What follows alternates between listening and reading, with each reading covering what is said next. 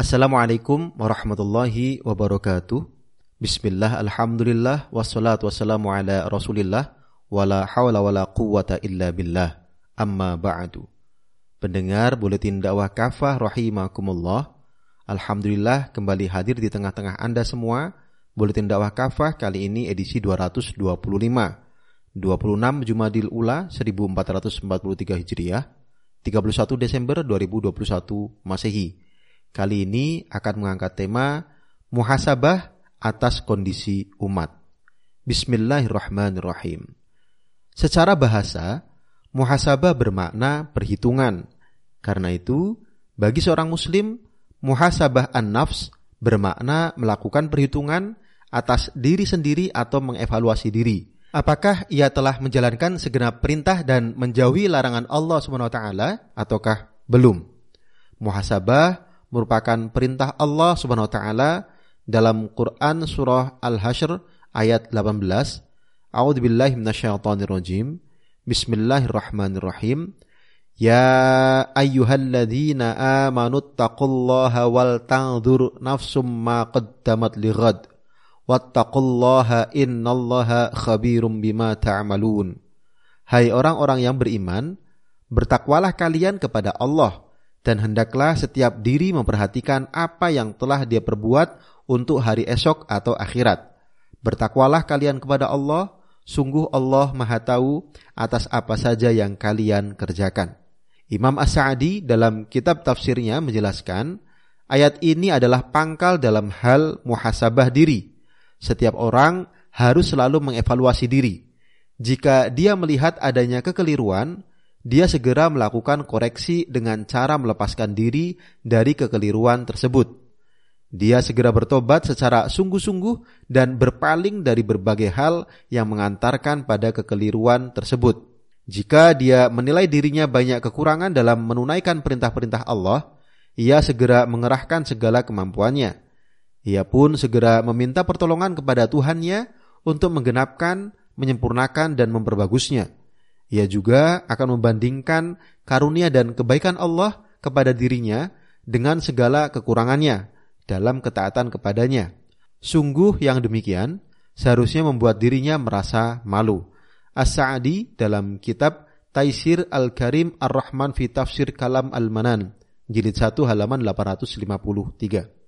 Muhasabah akan menjadikan seorang mukmin menyadari kesalahannya, segera memohon ampunannya, serta bersungguh-sungguh dalam ketaatan sebagai persiapan menuju kehidupan terbaik di akhirat kelak. Nabi Shallallahu Alaihi Wasallam bersabda, al kayyisu man dana nafsahu wa amila lima ba'dal maut wal ajizu man atba'a nafsahu hawaha wa tamanna 'ala Allah azza wa jal. Orang yang cerdas ialah orang yang selalu mengevaluasi dirinya serta beramal untuk kehidupan sesudah kematian. Orang yang lemah atau bodoh ialah orang yang selalu mengikuti hawa nafsunya serta berangan-angan kepada Allah SWT. Hadis riwayat At-Tirmizi. Umar bin Khattab radhiyallahu an juga pernah mengatakan, "Hasibu anfusakum qabla an tuhasabu wazinu anfusakum qabla an tuzanu fa innahu ahwanu alaikum fil hisabi ghadan." Hisablah diri kalian sebelum kalian dihisab. Timbanglah amal kalian sebelum ditimbang Hal itu akan lebih memudahkan hisab kalian kelak di akhirat. Abu Nuaim al-Asbahani dalam kitab Hilyah al-Aulia jilid 1 halaman 25. Pendengar rahimakumullah, muhasabah atas kondisi umat. Selain muhasabah atas diri sendiri, seorang muslim seharusnya juga melakukan muhasabah atas kondisi umat. Ia belum dikatakan beriman jika tidak memiliki kepedulian dan kecintaan kepada saudaranya. Bukankah hubungan sesama kaum mukmin adalah laksana satu tubuh? Rasulullah Shallallahu alaihi wasallam bersabda, "Masalul mu'minina fi tawaddihim wa tarahumihim wa ta'atufihim masalul jasadi idza ishtaka minhu 'udwun tada'a lahu sairul jasadi bis-sahri wal humma." Perumpamaan kaum mukmin dalam hal saling mengasihi, mencintai dan menyayangi adalah bagaikan satu tubuh. Jika salah satu anggota tubuh sakit, seluruh tubuhnya akan ikut terjaga dan demam, turut merasakan sakitnya. Hadis riwayat Al-Bukhari dan Muslim. Kenyataannya, hari ini umat masih terus terperosok ke dalam jurang kemunduran. Pangkal dari segala kerusakan ini adalah akibat pembangkangan kepada Allah Subhanahu sebagaimana firman-Nya dalam Quran surah Ar-Rum ayat 41. A'udzu billahi rajim. Bismillahirrahmanirrahim. Dhaharal fasadu fil barri wal bahri bima kasabat aydin nasi liyudhiqahum ba'dalladzi amilu la'allahum yarji'un. Telah tampak kerusakan di darat dan di laut disebabkan oleh perbuatan tangan manusia Allah menghendaki agar mereka merasakan sebagian dari akibat perbuatan mereka agar mereka kembali ke jalan yang benar. Imam Ali Asobuni dalam kitab tafsirnya Sofwah At-Tafasir menjelaskan maksud ayat di atas yakni telah tampak musibah dan bencana di permukaan bumi dan di laut disebabkan oleh kemaksiatan dan dosa-dosa manusia kepada Allah Subhanahu wa taala. Di negeri yang mayoritas muslim ini bukan saja terjadi pembangkangan terhadap hukum-hukum Allah Subhanahu wa taala, bahkan syariahnya kerap distigmatisasi. Semangat dakwah untuk menegakkan agamanya justru dilebeli radikal dan dipandang sebagai ancaman. Para ulamanya juga dikriminalisasi. Misalnya, Habib Rizik Sihab dan sejumlah ustadz ditahan dengan tuduhan melanggar undang-undang karantina kesehatan. Saat yang sama, sejumlah pihak lainnya dengan pelanggaran yang sama justru mendapatkan sanksi ringan bahkan tidak ditahan sama sekali. Dalam paham keagamaan, umat disodori seruan moderasi beragama. Moderasi beragama diklaim dan dipropagandakan sebagai cara beragama dan berislam yang terbaik, lawan dari radikalisme atau ekstremisme. Padahal inti dari moderasi beragama adalah semangat untuk menyembelih ajaran Islam, untuk mengelabui umat, upaya ini dikemas dengan sebutan yang sepintas islami, yakni Islam moderat atau Islam wasatiyah. Padahal istilah dan ajaran ini bukan berasal dari Islam, juga tidak pernah digunakan oleh para ulama dulu. Tentu karena paham moderasi beragama murni berasal dari barat untuk melumpuhkan ajaran Islam. Dengan dalih moderasi beragama, para pembuat kebijakan dibantu tokoh-tokoh agama merasa berhak menentukan ajaran Islam yang harus dibuang dan yang tetap dipertahankan. Dengan arahan Barat, hukum-hukum Islam yang bertentangan dengan prinsip sekulerisme, pluralisme, liberalisme, dan demokrasi harus ditiadakan. Sebutan kafir coba ditiadakan karena dianggap bertentangan dengan ajaran pluralisme. Kebebasan seksual seperti perzinaan dan LGBT juga terus diperjuangkan di antaranya melalui rancangan undang-undang TPKS, tindak pidana kekerasan seksual, sebagai bagian dari paham liberalisme. Kewajiban para pelajar muslimah menutup aurat dan berjilbab dihalang-halangi melalui pasal 34 Peraturan Menteri Pendidikan dan Kebudayaan nomor 45 tahun 2014 tentang pakaian seragam sekolah bagi peserta didik jenjang pendidikan dasar dan menengah. Intinya, Sekolah tidak boleh mengimbau, apalagi membuat peraturan untuk para siswi, termasuk muslimah, agar mengenakan busana islami.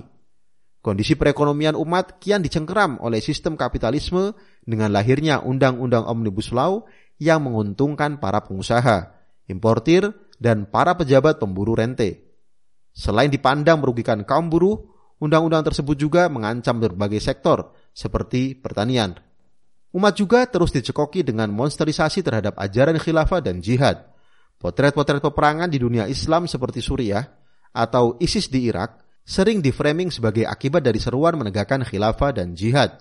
Penipuan ini terus dilakukan terhadap umat yang tidak paham konstelasi politik di negeri-negeri muslim. Padahal sebenarnya beragam perang dan konflik yang terjadi sengaja dipicu oleh negara-negara penjajah seperti Amerika Serikat, Inggris, dan Rusia itu adalah di antara strategi mereka yang tengah memperebutkan daging kaum muslim. Para penjajah itu ingin melanggengkan hegemoni dan merampok kekayaan alam umat Islam dengan menciptakan kondisi yang tak pernah stabil di kawasan tersebut. Jauhnya umat dari ajaran Islam adalah keuntungan bagi Barat dan sebaliknya derita bagi kaum muslim. Barat dapat mempertahankan cengkeraman mereka terhadap dunia Islam, khususnya di negeri ini. Ideologi kapitalisme yang berpijak pada pemisahan agama dari kehidupan atau sekulerisme dan paham liberalisme dapat terus eksis tanpa ada yang mengusik. Umat pun terus dijerat dengan utang ribawi yang pada tahun ini sudah tembus angka 423,1 miliar dolar Amerika Serikat atau setara 6.008 triliun rupiah. Artinya, setiap orang Indonesia hari ini termasuk bayi yang lahir diperkirakan menanggung tagihan utang sebesar 24 juta rupiah. Umat muslim di tanah air juga jatuh dalam perebutan kekuasaan asing, Amerika Serikat dan Cina. Kedua negara besar itu terus memainkan peran politik, ekonomi, dan militer baik di kawasan Laut Cina Selatan maupun di dalam negeri. Ironinya, sebagai negeri dengan jumlah muslim terbesar di dunia, Indonesia manut saja pada kepentingan dua negara tersebut. Di sektor pertambangan, hampir 70% tambang nikel misalnya dimiliki perusahaan asal Cina. Beragam investasi tersebut juga membuat Indonesia menyerap banyak pengangguran di Cina. Dari level manajer hingga supir kendaraan banyak berasal dari Cina. Padahal banyak warga pribumi yang membutuhkan pekerjaan.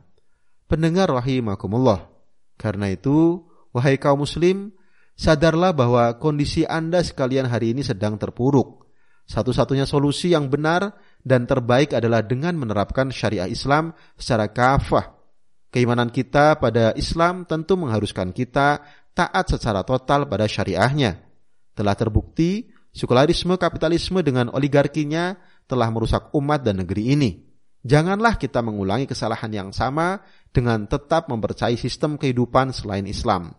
Jika kita tetap berkubang dalam sistem kehidupan selain Islam, tentu kita akan terus terpuruk dan tidak akan pernah bisa bangkit kembali. Sebabnya, kebangkitan dari segala keterpurukan hanyalah dengan cara kita kembali pada Islam dan totalitas syariahnya. Wallahu alam biswab.